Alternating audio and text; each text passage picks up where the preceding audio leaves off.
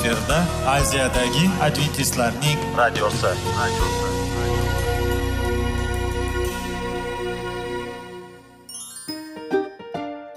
Assalomu alaykum aziz radio tinglovchilar. Sog'liq daqiqasi rubrikasiga xush kelibsiz. Zero tananing sog'lom bo'lishi va uning kasalliklardan saqlash har bir insonning burchi hisoblanadi. Inson uchun bebaho boylik bu sog'liq salomatlikdir. Uni asrash esa har birimizga omonat qilib berilgan. Shuning uchun ham inson o'z sog'lig'ini ehtiyot qilishi voajib amallardan hisoblanadi. Dono xalqimiz sog'liq tuman boylik deb bejiz aytmagan. Aql idroq sohibi bo'lgan inson o'z hayotini qadrlashi lozim bo'ladi. Hozirgi kunda qanchalik dori darmonlar ko'paymasin tibbiy muassa sifati shifokorlar vasiyasi tibbiy texnika yaxshilanmasin. Agar insonning o'z salomatligi haqida qayg'urmasa kutilgan natijaga erishib bo'lmaydi va biz sizlarga bizning dasturimizga xush kelibsiz deymiz.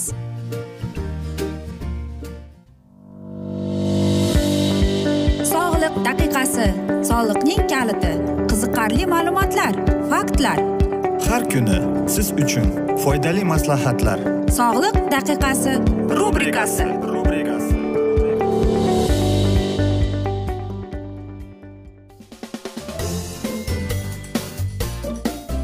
assalomu alaykum aziz radio tinglovchilar. Dasturimizga xush kelibsiz va biz sizlar bilan besh daqiqa sog'liq uchun deb atalgan dasturimizda xushvaqt bo'ling deb aytamiz. Va bugungi bizning dasturimizning mavzusi vitaminlar to'liq ma'lumot deb ataladi. Masalan vitamin e buni tokoferol deyiladi. U judayam nurlikka va albatta havoga deydi nozik bo'ladi deydi. Shuning uchun ham uni qaynatayotganingizda u buzilmaydi deydi. E, vitamin e bizning organizmimizda qanday rolni o'ynaydi deymizmi? U bizdagi aytaylikki uglevod va suv almashuviga yordam beradi. Bizdagi qon tomir kasalligimizlarga tomirlarimizga bizdagi qon yuqori bo'lsa pasaytirishga yordam beradi. Yoki tromboz kasalligidan oldini olishga yordam berib keladi. Vitamin e deydi ko'proq yashil yemushlarda bo'ladi deydi. Masalan deydi shpinatda yoki soyada yoki karamda bo'ladi deydi. Va hattoki deydi bug'doylarda ham bo'ladi. Yong'oqlarda tuxumda sutda pishloqda va sari yog'da ham bo'ladi. Qanchalik uni iste'mol qilish kerak? Vitamin e ni kattalar o'n ikki o'n besh milligramm homilador ayollar o'ttiz ellik bolalar esa olti o'n ikki. Qanday qilib men vitamin ega muhtojligimni bilsam bo'ladi deb aytishingiz mumkin? Bu shunday belgilardan iborat ya'ni qamkonlik va ayollarda bola ushlamaslik tushib qolaverishi va albatta bizdagi bo'lgan jinsiy tomonlama pasayib borishi yurak kasalligini qon tomir kasallik nerv tolamizga yordam beradi. Va qanday qilib men vitamin ni ko'p iste'mol qilishimni deb va bularning vitamin ni iste'mol qilishingizni hali ko'pligini hech kim isbotlab bermagan. Lekin chunki deydi oltmish foizi aynan vitamin e deydi bizdagi bo'lgan axlatimiz bilan chiqib ketadi deydi. Shuning uchun ham faqatgina aytishimiz mumkinki deydi siz o'zingizni charchoq va o'zingizdagi bo'lgan kuchsizni sezib qolasiz deydi yoki aytaylikki vitamin k minadion filixion deb aytiladi. Uni qaynatganingizda hech narsa bo'lmaydi. U bizning organizmimizda aytaylikki qonimiz quyilishiga yordam beradi. Qon tomir kasalliklarimizga yordam beradi va ichki ketki qon yo'qotishning to'xtatishiga yordam beradi. Vitamin kda deydi u yashil yer yemishlarda bo'ladi deydi salatlarda bo'ladi deydi shpinatda krapivada bo'ladi deydi. Oq karamda bo'ladi rangli karamda kartoshkada pomidorda sabzida qulpinoyda tuxumning sarig'ida jigarda yogurtda bo'ladi baliq yog'ida bo'ladi deydi. Bir kunlik uning vitamin kni biz oltmish sakson milligramm bolalar bir yoshgacha bir uch milligramm uch yoshgacha uchu besh o'n to'rt yoshdan yuqorilar beshdan o'n milligramm lekin deydi shifokorlar yana shuni tavsiya etiladiki deydi vitaminlarni bu vitaminni qabul qilishdan avval dorilarni agar qabul qilayotgan bo'lsangiz ehtiyotkorona qabul qilishingiz kerak deb aytadi. Va ko'pchilik savol beradi qanday qilib menda ko'p e, vitaminoz borligini bilsam bo'ladi deb. Eng birinchisi bu albatta bolalarda deydi sarg'ayishi deydi sariq kasallik deydi. Va siz juda ko'p terlaysiz deydi va sizda doimo xuddi sizda isitma bordek tuyulaveradi. Va eng bu juda deydi kam uchraydigan siydikda anemiya bo'ladi belok ko'p bo'ladi. Yana sizda anemiya paydo bo'ladi. Qusasiz depressiyaga kelasiz va albatta tanangizda badaningizda qandaydir bir yaralar paydo bo'ladi. Qanday qilib men e, mening tanam mening organizmim vitamin k ga muhtojligini bilsam bo'ladi. Masalan qon birorta joyingizni kesib olsangiz va qon to'xtamasangiz to'xtamasa demak sizda vitamin k yo'qligini yoki qon ko'p yo'qotasiz yoki aytaylikki siz ko'p dorilarni iste'mol qilganingizda sizda vitamin k organizmingizda juda muhtoj bo'ladi. Va eng asosiysi deyapti vitamin kni deydi. Iste'mol qilishdan avval shifokoringiz bilan maslahat qilib ko'rganingiz yaxshi. Yana bir vitaminimiz bor bu vitamin b bir. Uning aytaylikki tiamin deyiladi anivrin. Va uni qaynatganingizda ehtiyotkorona qaynatishingiz kerak. U bizning organizmimizda muhim rolni o'ynaydi chunki u biologik achishiga yordam bermaydi deydi.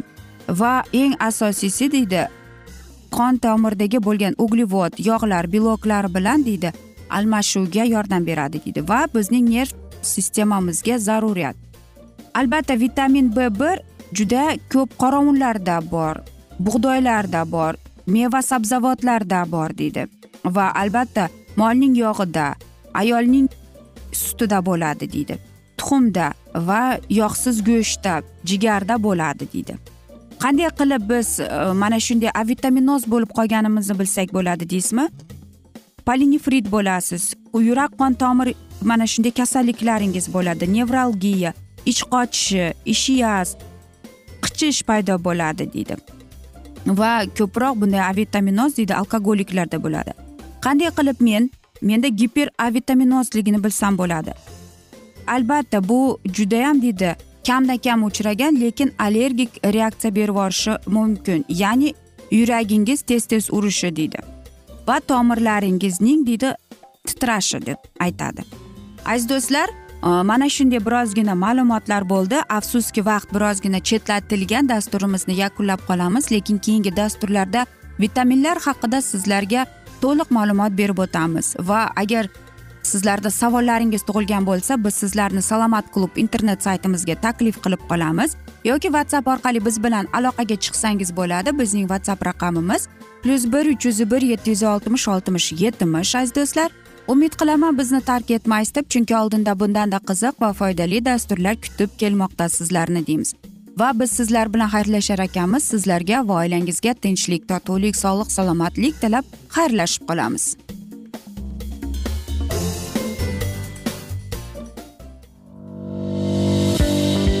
Sog'liq daqiqasi soliqning kaliti qiziqarli ma'lumot faktlar har kuni siz uchun foydali maslahatlar. Sog'liq daqiqasi rubrikasi.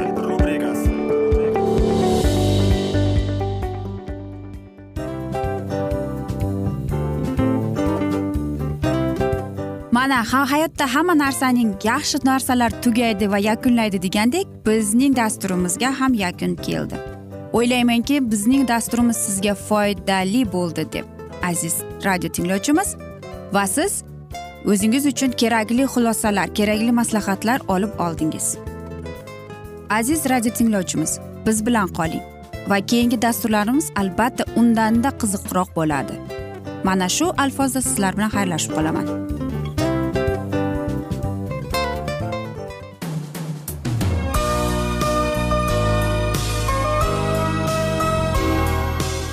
Efirda aziyadagi adventistlarning radiosi.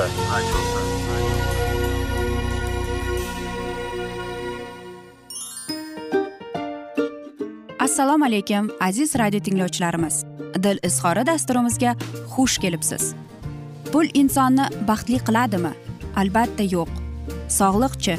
Albatta bo'lishi mumkindir. Lekin olimlar shuni isbotlashdiki to'liq va mukammal munosabatlar insonlarni baxtli qilar ekan.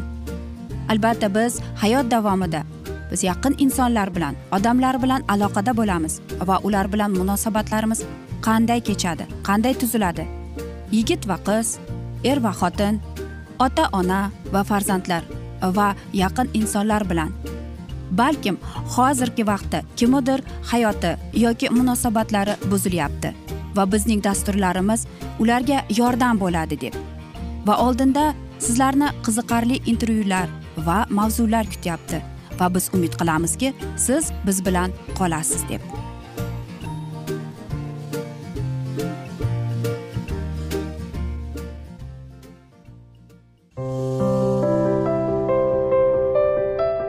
Har kuni har xil kasbdagi odamlar bilan sirlashish va bo'lishish sevgi rashq munosabat. Bularni hammasi dil izhori rubrikasida.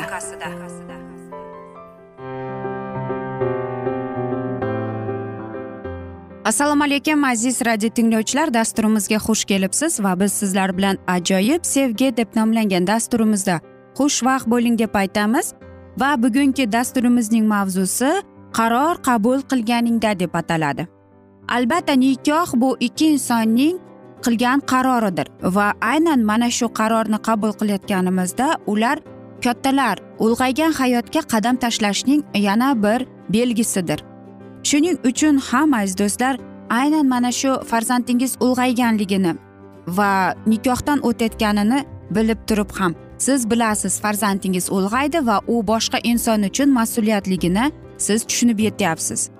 Va aynan mana shu joyda albatta yoshlarimiz tushunishi kerakki jamiyat e, pog'onasida ham jamiyatning hayotida ham aynan nikoh eng muhim rolni o'ynab qoladi.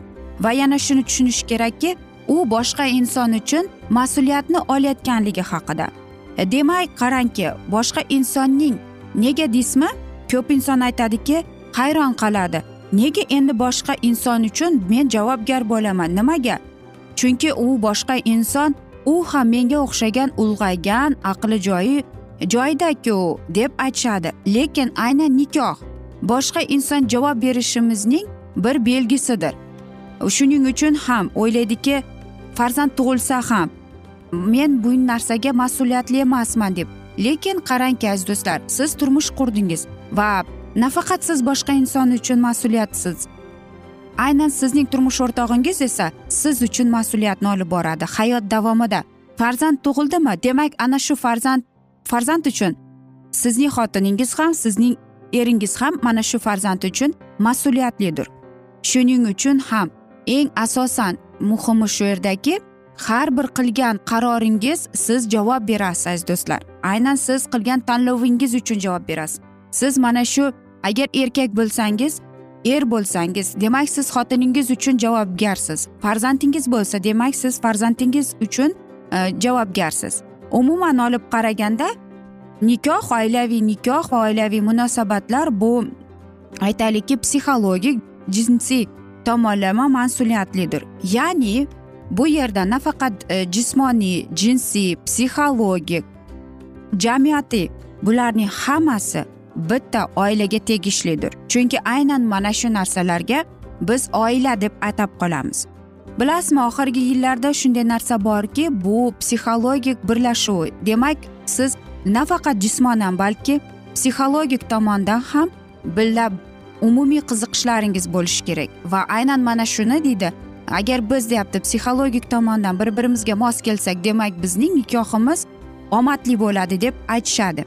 Lekin albatta bu qanday desam ekan to'g'ri ham noto'g'ri lekin aynan shu narsalar agar sizda mana shunday fikr bo'lsa demak siz adashasiz. Chunki odam har xil erkak kishi har xil bo'ladi uning dunyo qarashi boshqacha bo'ladi ayol kishi esa dunyoni boshqacha ko'zlar bilan qaraydi va albatta aynan mana shu narsalarga katta e'tibor qaratib turishimiz kerak. Avval deydi bilasizmi qadimgida mana shunday narsa urfga kirgan edi deydi bu unashtiruv. Ya'ni aynan bular deydi unashtiruv bu. Ikki yosh ota onasining jamiyatning oldida bir biriga bo'lgan sevgini izhor qilib va albatta bu nafaqat aytaylikki umuman olib qaraganda mana shunday narsa bu nafaqat e, aytaylikki jinsiy tomonlama tayyorligingiz munosabat emas. Bu sizning sevgilingizga bo'lgan hammaning oldida uni qabul qilib uni sevishingiz uning uchun mas'uliyatligingizni ko'rsatib keladi. Va bu sizga sinov vaqti bo'ladi. Ya'ni sizda e, jinsiy aloqalar munosabatlar bo'lishi shart emas. Bu umuman bunday narsani belgisi emas. Umuman olib qaraganda unashtiruv demak siz mana shu insonni sevib uni ardoqlab hurmat qilib qadrlab uni uchun mas'uliyatligingizning bilishi bu belgisidir. Va eng asosiysi bu albatta sizlar zagsga borganingizda. U yerda esa siz qonun oldida mana shu inson uchun javob berasiz va shuning uchun ham sizlar to'ydan keyin alohida yashab masalan o'zingizning turmushingizni qurasiz va eng asosan siz o'zgacha ya'ni ota onasiz o'zingiz hayot ya'ni jamiyatning yana bir kichkinagina oilaviy davlat bo'lasiz. Va mana shu davlatda siz boshliq siz aytaylikki prezidentsiz desak ham bo'ladi. Axir bejizga aytishmaydiku oila deganda siz nimani tushunasiz deb bir insonga javob berganda savol berganda u shunday javob bergan ekan. Oila bu bir shaharcha. Men u shaharchada prezidentman mening ayolim esa menga yordamchi deb. Farzandlarimiz esa aynan mana shu shaharchaning yashovchilari deb aytibdi. Aynan shuning uchun ham deydi biz mana shu shahar aholisi uchun javobgarmiz deydi. Ularga deydi xarid qilamiz.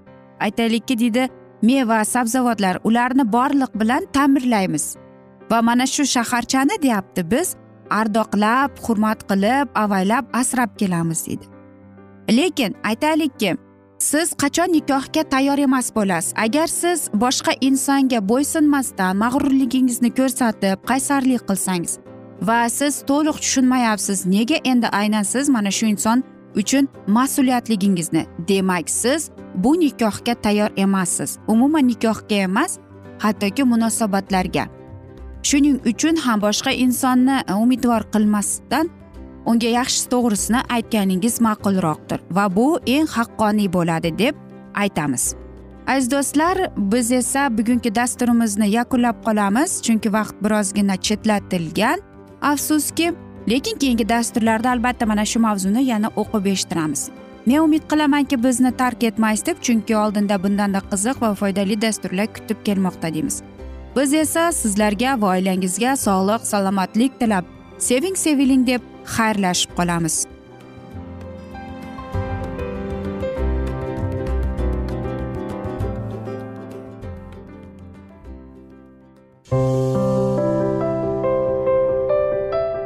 Har kuni har xil kasbdagi odamlar bilan sirlashish va bo'lishish sevgi rashq munosabat bularni hammasi dil izhori rubrikasida. Mana aziz radio tinglovchimiz bizning go'zal va foydali va chiroyli dasturimiz yakunlanib bormoqda. Sizlarga birozgina maslahat berib o'tmoqchi edik. Bir biringizni seving qadringizga yeting va erkalang albatta bir biringizni va sizga judayam chiroyli va mustahkam munosabatlar tilab qolamiz albatta. Sevgilingiz doimo yoningizda bo'lsin. Mana shu borada sizlar bilan xayrlashib qolamiz. Xayr.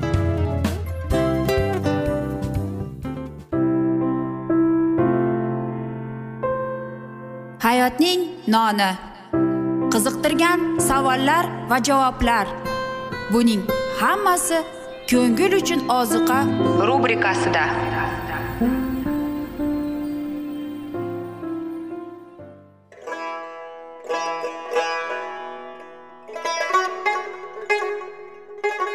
Assalomu alaykum aziz radio tinglovchilarimiz. Ko'ngil uchun oziqa rubrikasida xush kelibsiz deymiz. Siz haqiqatni izlayapsizmi?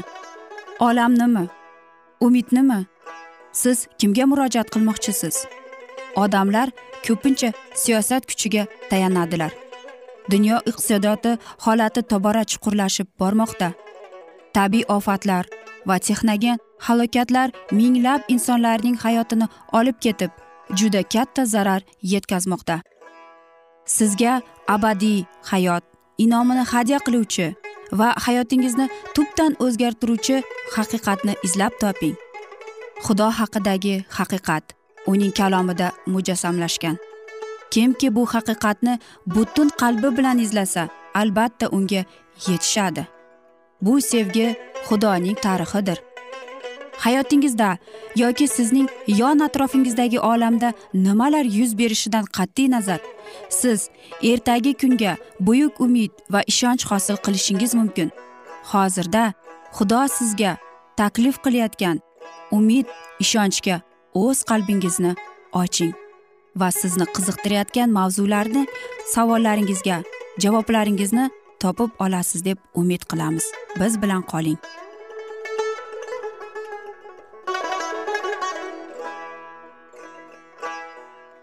Assalomu alaykum aziz radio tinglovchilar. Dasturimizga xush kelibsiz va biz sizlar bilan ulug' otalar va payg'ambarlar deb nomlangan dasturimizda xushvaqt bo'ling deb aytamiz.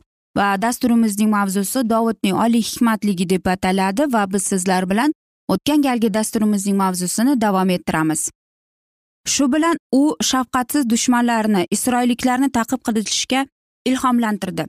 Dovud ilohiy xalqni himoya qilish uchun tayinlangan edi.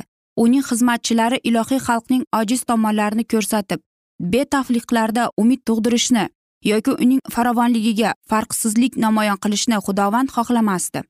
Bundan tashqari dovud majusiylarga o'tib ularning xudolariga xizmat qilmoqchidir deb uning birodarlari o'ylab boshladilar. Bu xatti harakat dovudning yurish turishiga noto'g'ri tushuncha keltirdi va ko'plar unga nisbatan yuz xotirchilik namoyon qila boshladilar.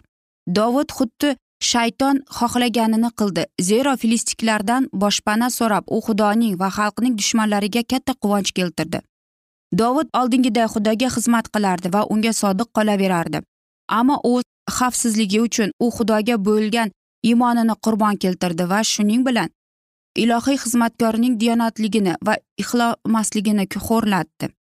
Balki xuddi shu sifatli e, xudo o'z qo'llarida ko'rishni xohlar edi. Filistiklik podshohi dovudni juda yaxshi kutib oldi. Birinchidan podshoh uning harbiy qobiliyatlaridan zavqlanardi. Ikkinchidan yahudiyaga boshpana bo'lish uning shuhratparastligini silardi. Anxushda dovud o'zini bexatarlikda bo'lishni his qilardi. U oilasini ham ko'chirib oldi. Uy jihozlarini ham keltirdi. Odamlari ham shunday qildilar. Ular shu joyda uzoq vaqtgacha istiqomat topdi deb xulosa chiqarsa bo'lardi. Anxush ushbu ishda issiq darajada qatnashib isroillik qochonlarga yordam berishga va'da berdi? Dovud iltimosiga munosib podshoh rahmdillik bilan unga egalikka sekloqni berdi. Butparastlikning xavfi ta'siri dovud tushunardi. Unga butunlay topshirilgan shaharda ular erkin xudoga xizmat qila olishardi. Agar ular getda qolganlarida majusiy udumlar ko'ngilsiz va yovuz voqealarni manbai bo'lardi. Seliqloqda yashagan vaqtda dovud gesuriylar girziylar omaliyliklar bilan urush olib bordi va uning to'g'risida getta bilishmasligi uchun hech kimni tirik qoldirmas edi e, jangdan qaytganida u anxushga noto'g'ri xabar berib vatandoshlarim yahudiylar bilan jang qildim deyardi. Anxush haqiqatni bilmay uning davlati mustahkamlanishiga ishonardi. U isroilga o'z xalqiga raqib bo'lib va to abad mening xizmatkorim bo'lur deb va'da qildi. Dovud bilardiki ilohiy iroda bo'yicha u majusiylarni qirib tashlashi kerak ammo yolg'onni ishlatganida u ilohiy iroda bo'yicha ish yuritmas edi. Shu paytda isroil bilan urush boshlanish uchun filistikliklar lashkarlari yig'ildilar va anxush dovudga dedi senga belgili bo'lsin sen mening bilan borasan sen va sening odamlaring dovudda o'z xalqiga qo'l ko'tarish niyati umuman yo'q edi ammo nima qilishni bilmay sharoitning o'zi uning burchiga ko'rsatishiga ishonardi. To'g'ri javoban bosh tortib u qo'lning nima qilishini sen bugun bilasan dedi. Anhush dovudning so'zlarini yordam berish sifatida tushundi va kutilayotgan urushda dovudga buyuk shon sharaf namoyon qilishga qasd qildi va o'z dargohida baland lavozimga sazovor qilishga ishontirdi. Ilohiy nazirlarga dovudning ishonchi gohida tebransada uni shamoil isroil ustidan podshohlikka tayinlaganini u doimo eslar edi oldin dushmanni g'olib chiqishda xudo unga bergan yordamni u eslardi. Shoul qo'lidan himoya qiladigan buyuk ilohiy mehr ustidan u mulohaza yuritardi.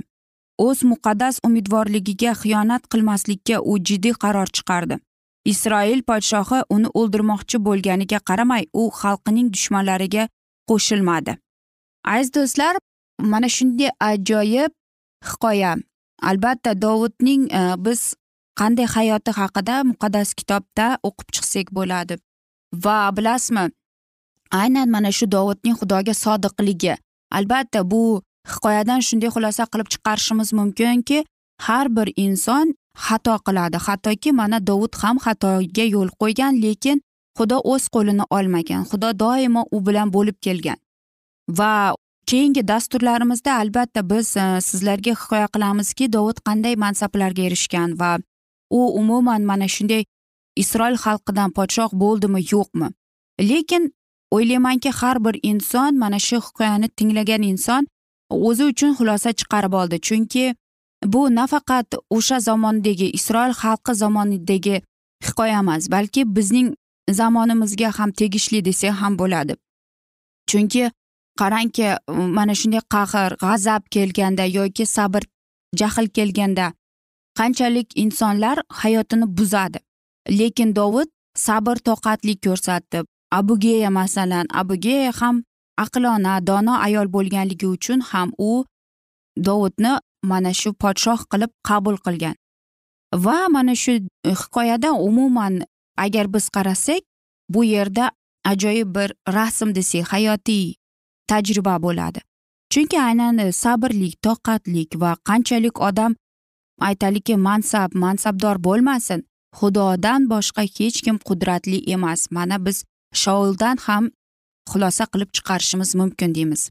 Aziz do'stlar biz esa mana shunday asnoda bugungi dasturimizni yakunlab qolamiz. Vaqt chunki birozgina chetlatilgan afsuski. Lekin keyingi dasturlarda albatta mana shu mavzuni yana o'qib eshittiramiz. Agar sizlarda savollar tug'ilgan bo'lsa bizga whatsapp orqali murojaat etsangiz bo'ladi. Plyus bir uch yuz bir yetti yuz oltmish oltmish yetmish aziz do'stlar.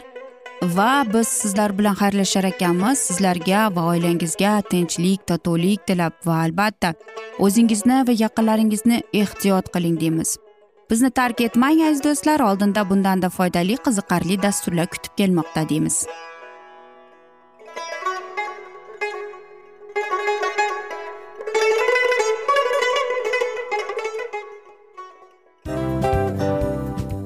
Afsus afsus.